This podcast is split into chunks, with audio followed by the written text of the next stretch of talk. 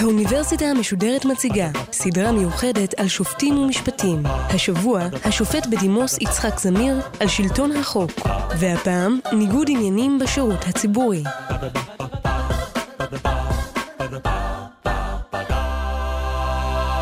כאשר uh, מתווה הגז עלה לדיון, הודיע שר האוצר שהוא החליט להימנע מטיפול במתווה בגלל ניגוד עניינים הנובע מחברות קרובה עם אחד הבעלים של חברת גז. החלטת השר עלתה בקנה אחד עם הדרישה לטוהר המידות, אך היא לא עלתה בקנה אחד עם המחויבות של שר אוצר לטפל בנושאים בעלי חשיבות לכלכלת המדינה. מכאן השאלה, אם התרומה לטוהר המידות גוברת על נזק אפשרי לכלכלת המדינה. לשאלה זאת נודעת חשיבות רבה בשל ריבוי המקרים של ניגוד עניינים בשירות הציבורי. כדי להשיב על השאלה, יש לברר ראשית מהו ניגוד עניינים, ושנית, כיצד יש להתנהג במקרה של ניגוד עניינים. ניגוד עניינים בשירות הציבורי הוא מצב שבו לאדם הממלא תפקיד ציבורי יש שני אינטרסים מנוגדים. מצד אחד, יש לו אינטרס ציבורי, כלומר, למלא את תפקידו לטובת הציבור. מצד שני, יש לו גם אינטרס אישי, כלומר, להפיק ממילוי התפקיד טובת הנאה לעצמו או למי שמקורב אליו. הנה דוגמה. עובד ציבור צריך להתקשר בחוזה מטעם גוף ציבורי, ועליו לבחור בין שתי חברות, שאחת מהן נמצאת בבעלות אשתו. במקרה כזה האינטרס האישי עלול להתנגש עם האינטרס הציבורי. כיצד עליו לנהוג? הכלל המשפטי בדבר ניגוד עניינים נותן תשובה. הוא קובע כי במצב כזה חובה להימנע מהחלטה. ההחלטה צריכה להתקבל על ידי אדם אחר שאיננו נגוע בניגוד עניינים. מהו המקור של כלל זה? הכלל נובע מכך שכל איש ציבור הוא משרת הציבור, ולכן חובה עליו למלא את תפקידו אך ורק לטובת הציבור. בלשון משפטית אומרים שמוטלת עליו חובה של נאמנות ציבורית. הכלל אוסר עליו למלא את תפקידו כדי לשרת אינטרס אישי, שלו עצמו או של אדם או גוף המקורב אליו. כלל זה מתבסס על שני טעמים. ראשית, במצב של ניגוד עניינים קיים חשש שהאינטרס האישי של איש ציבור ישפיע עליו במילוי תפקידו באופן שיפגע באינטרס הציבורי. שנית, אפילו אם ברור כי הוא לא יושפע מן האינטרס האישי, עדיין קיים חשש שהחלטתו תיראה בעיני הציבור כהחלטה שהושפעה מן האינטרס האישי. ויש בכך כדי לפגוע באמון הציבורי, בשירות הציבורי. הכלל חל על שני סוגים של ניגוד עניינים, אישי ומוסדי. ניגוד עניינים אישי קיים במצב שבו החלטה של איש ציבור עשויה להשפיע באופן ישיר על אינטרס אישי שלו. למשל, להגדיל הכנסה כספית או לתת טובת הנאה אחרת לעצמו או לבן משפחה או לחבר קרוב. הנה פסק דין לדוגמה. בבחירות לעיריית ירושלים נבחר אדריכל מסוים כחבר מועצת העירייה. משרדו של אדריכל זה התמקד בתכנון מבנים בירושלים, ולכן הוא נזקק באופן שוטף לאישורים של עובדי העירייה. נוצר מצב של ניגוד עניינים, משום שמצד אחד, בתפקידו כחבר במועצת העירייה, הוא מפקח על עובדי העירייה, ומצד שני, הוא נזקק לאישורים שלהם. במצב זה, האם הוא יוכל לפקח עליהם כנדרש? קיים חשש שהאינטרס הציבורי יושפע מן האינטרס האישי. כדי לנטרל חשש זה, פסק בית המשפט שאם האדריכל מבקש להישאר חבר במועצת העירייה, עליו להתחייב שמשרדו לא ייצג לקוחות שלו לפני עובדי העירייה. כנגד זה, ניגוד עניינים מוסדי קיים כאשר איש ציבור ממלא תפקיד במוסד מסוים, ואותו זמן הוא קשור גם למוסד אחר באופן שעלול להשפיע על מילוי תפקידו. כך, למשל, אם ראש עירייה אמור להחליט בדבר מתן תמיכה כספית למועדוני ספורט בתחום העירייה, שעה שהוא מכהן כחבר הנהלה באחד המועדונים האלה. במצב כזה קיים חשש שהוא ייתן עדיפות למועדון שבו הוא מכהן כחבר הנהלה על חשבון מועדונים אחרים.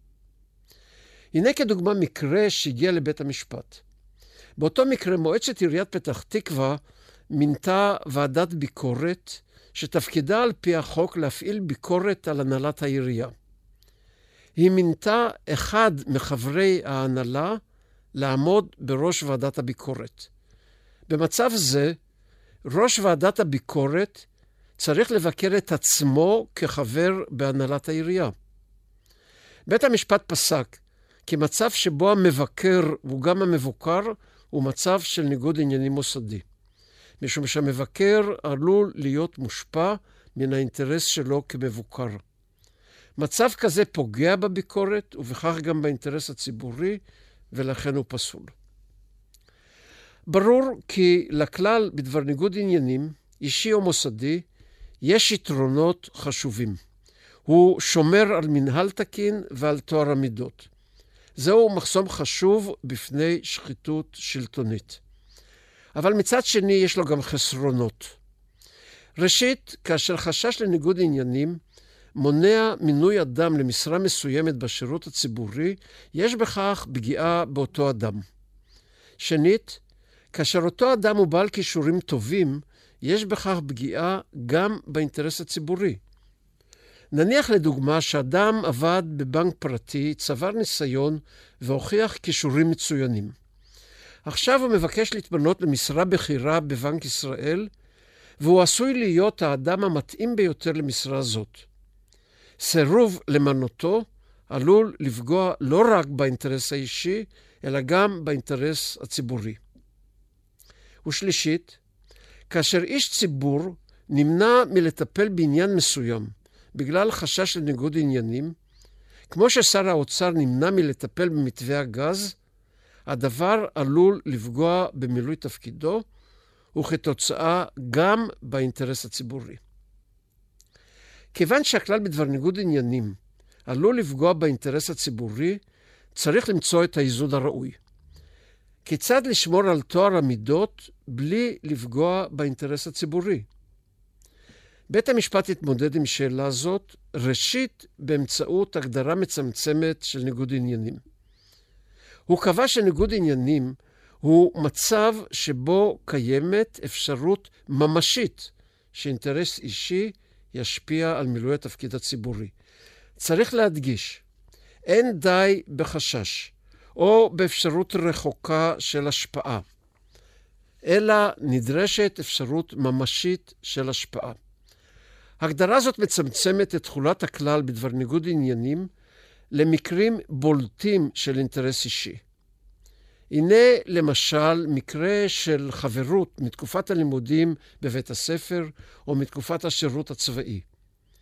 יש הבדל בין חברות נמשכת, שאף מתהדקת במשך השנים, לבין חברות שנפסקה ואין לה ביטוי מעשי במשך עשרות שנים.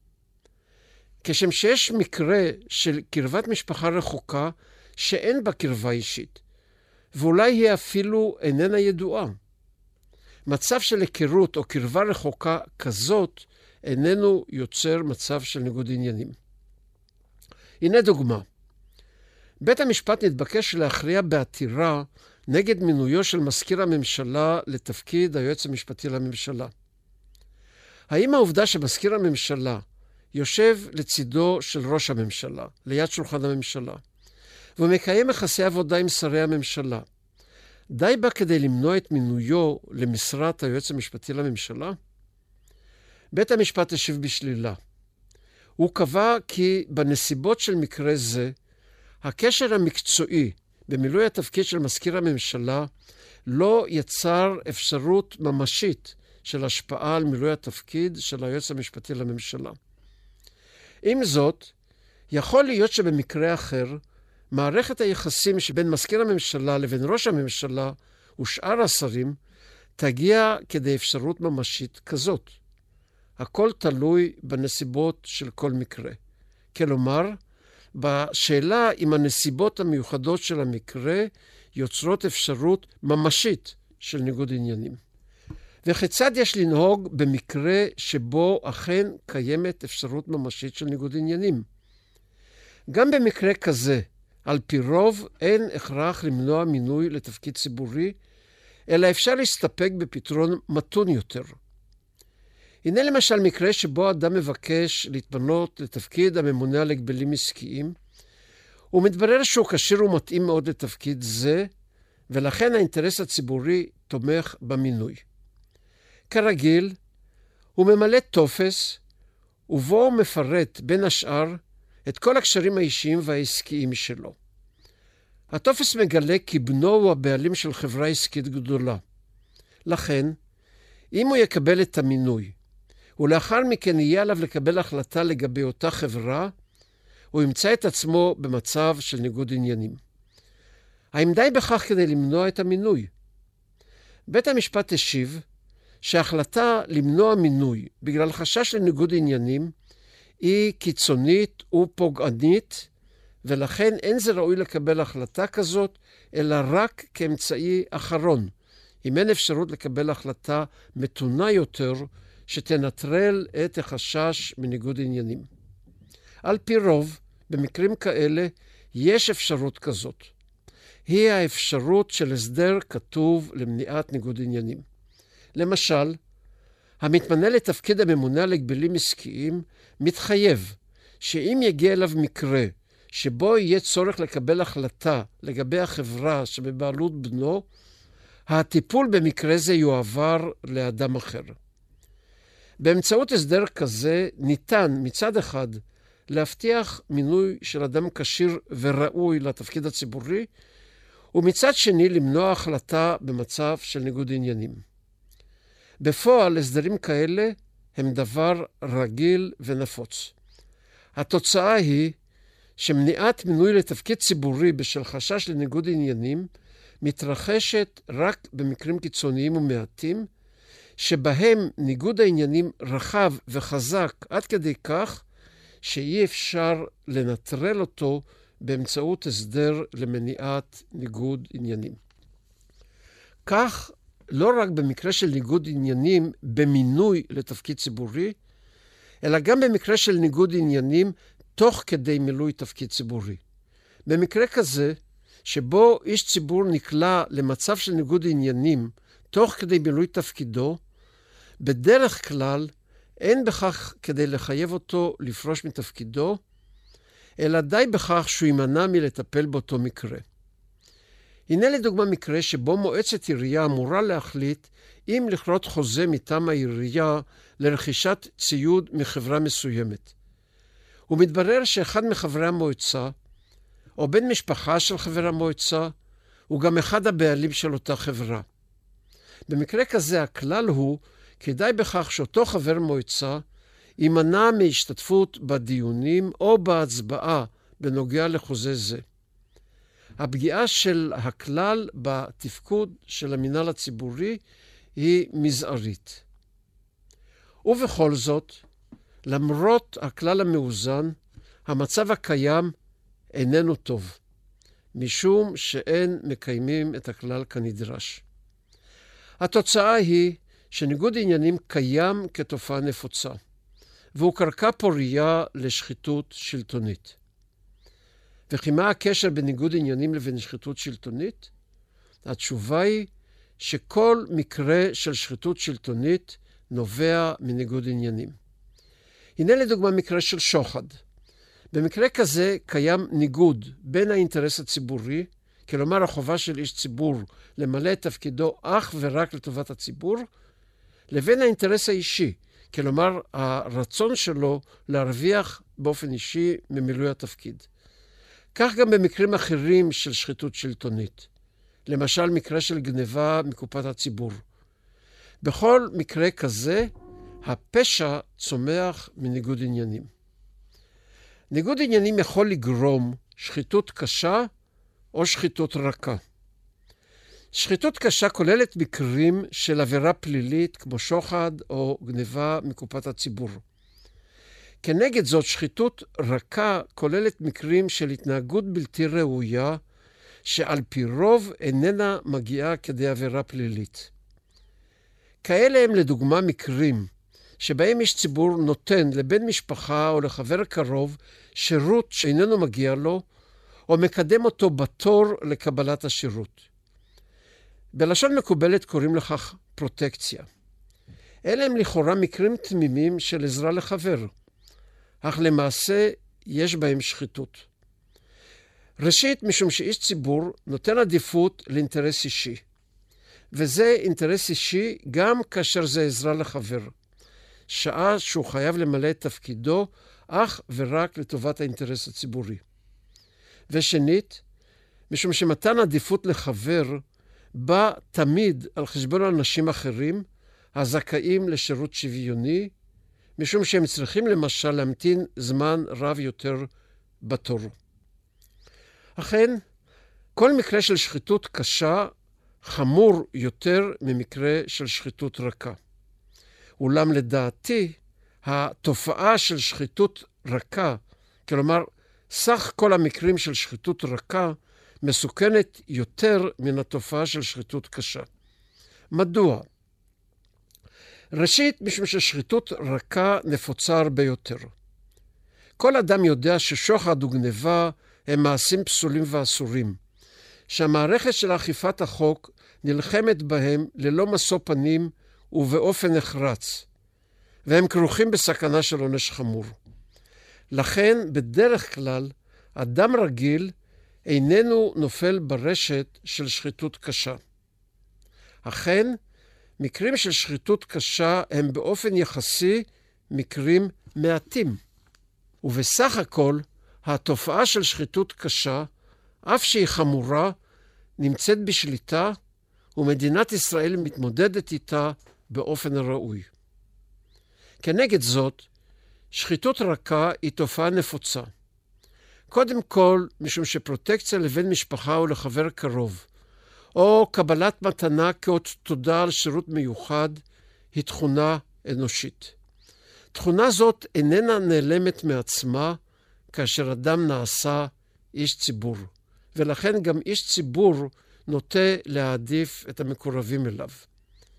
לעתים קרובות זאת גם הציפייה של הסביבה הקרובה.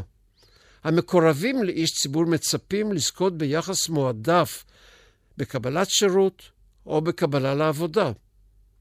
כך במיוחד במגזרים מסוימים של האוכלוסייה, הרואים בכך ביטוי חיובי לסולידריות חברתית.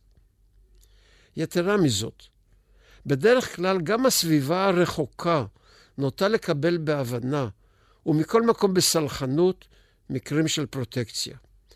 מקרים כאלה אינם נתפסים בציבור הרחב כמקרים של שחיתות. מכל מקום, המערכת של אכיפת החוק, לרבות המשטרה והפרקליטות, כמעט שאיננה עוסקת במקרים כאלה. כך הדבר ראשית, משום שבמקרים רבים, גם כאשר ברור כי התנהגות של איש ציבור איננה ראויה, היא איננה מגיעה כדי עבירה פלילית. ושנית, משום שהמערכת של אכיפת החוק עמוסה כל כך במלחמה נגד שחיתות קשה, עד שמתקשה מאוד להתפנות למאבק נגד שחיתות רכה.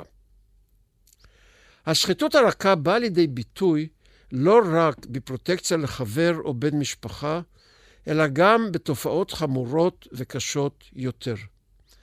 תופעה כזאת היא המינויים הפוליטיים. הם נעשים לעתים קרובות על ידי איש ציבור, לרבות שר, לא על יסוד שיקול אידיאולוגי, אלא כדי לחזק את מעמדו במפלגה. זהו מקרה מובהק של ניגוד עניינים, שבו האינטרס האישי של הממנה גובר על החובה הציבורית למנות את האיש המתאים ביותר. כך גם התופעה של נפוטיזם, כלומר, קבלה לעבודה בגוף ציבורי על יסוד קרבה משפחתית. מינוי הנובע מקרבה משפחתית ולא מכשירות מקצועית, גם הוא מקרה מובהק של ניגוד עניינים. מבקר המדינה הציג לא פעם נתונים קשים על תופעות אלה. למשל התופעה של נפוטיזם בנמל אשדוד ובחברת החשמל. ניגוד העניינים במקרים אלו גורר שחיתות. אמנם רק שחיתות רכה, אך היא פוגעת קשה ביעילות, באיכות השירות הניתן לציבור, בזכותם של אחרים לקבל יחס שוויוני ובטוהר המידות. שחיתות רכה היא גם תופעה מסוכנת, משום שהיא מכשירה את הקרקע לשחיתות קשה. כך למשל, כאשר איש ציבור מסייע בידי חברו לזכות במכרז ממשלתי בעל שווי כספי רב, ולאחר מכן החבר גומל לו במתנה כספית לאות תודה. ומה ההבדל בין מתנה כזאת לבין שוחד? לכן, משימה חשובה היא לנהל מאבק נחרץ בניגוד עניינים המוביל לשחיתות רכה. יש דרכים אחדות למאבק הזה. הדרך היעילה ביותר היא החינוך לערכים ראויים, ובהם גם הערך של שירות ציבורי. דרך זאת ארוכה ומייגעת. היא דורשת קודם כל מנהיגות שתוביל את הציבור בדרך זאת, החל בבית המשפחה ובבית הספר, ותגנה שוב ושוב את השחיתות הרכה. זהו אחד התפקידים החשובים של המנהיגות. חברי הכנסת, שרי הממשלה, ראשי הרשויות המקומיות ומנהיגים אחרים. כל אחד מהם חייב להנחות בדרך הישר, להוקיע את השחיתות, וגם לשמש דוגמה אישית. אולם, עצוב לומר זאת, המנהיגות כשלה לחלוטין במילוי תפקיד זה. היא אפילו איננה מנסה, זה עשרות שנים, להילחם בהשחתת המידות. היא גם איננה משמשת דוגמה אישית. הנה למשל הכנסת. לאחר פרשת ההצבעות הכפולות בכנסת, מינה יושב ראש הכנסת ועדה ציבורית להכנת כללי אתיקה לחברי הכנסת. הוועדה הגישה דוח הכולל מערכת מפורטת של כללי אתיקה, ובהם פרק למניעת ניגוד עניינים כבר בשנת 2006. אך הדוח מונח במגירות הכנסת זה יותר מעשר שנים. גם הממשלה מינתה ועדה ציבורית להכנת כללי אתיקה לחברי הממשלה, בראשות הנשיא בדימוס של בית המשפט העליון מאיר שמגר. ועדה זאת הציעה מערכת של כללי אתיקה לחברי הממשלה כבר בשנת 2008. עברו כמעט עשר שנים, וההצעה עדיין לא נתקבלה על ידי הממשלה. נוכח מחדל זה, בלית ברירה, מערכת המשפט נקראה להילחם בתופעה של ניגוד עניינים בשירות הציבורי, בעיקר באמצעות חוקים. חוק הוא הדרך הקלה ביותר עבור המנהיגות להתמודד עם בעיה חברתית. לכן דבר רגיל הוא שהכנסת מקבלת חוק המטיל איסור על התנהגות מזיקה, בתקווה שהאיום בעונש יצליח במקום שהנורמה החברתית נכשלה. מצד אחד, זאתי תעודת עניות לחברה, שלא הצליחה לפתח נוגדנים יעילים כדי לבלום התנהגות מזיקה. אך מצד שני, לעתים אין מנוס מחקיקה כדי לבלום תופעה מסוכנת. בהתאם לכך, חוקקה הכנסת הוראות חוק אחדות האוסרות צורות מסוימות של שחיתות רכה. למשל, כאשר התברר כי בשירות הציבורי מתפשטת והולכת תופעה של מתן מתנות יקרות לעובדי ציבור על ידי אנשים שנזקקו לשירותם של עובדי הציבור. והוראות ואזהרות שהופנו לעובדי הציבור לא הצליחו לבלום את התופעה. נחקק בשנת 1980 חוק המתנות, האוסר על עובד ציבור, ובכלל זה כל שר, לקבל מתנה שניתנה לו בקשר לתפקידו הציבורי.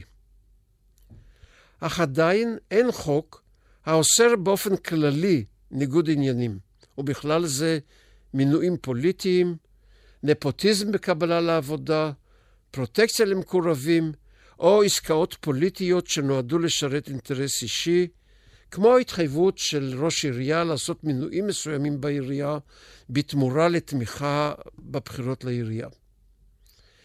בהיעדר חוק כזה, ניסתה הפרקליטות להיאבק בתופעה של ניגוד עניינים באמצעות העבירה של הפרת אמונים.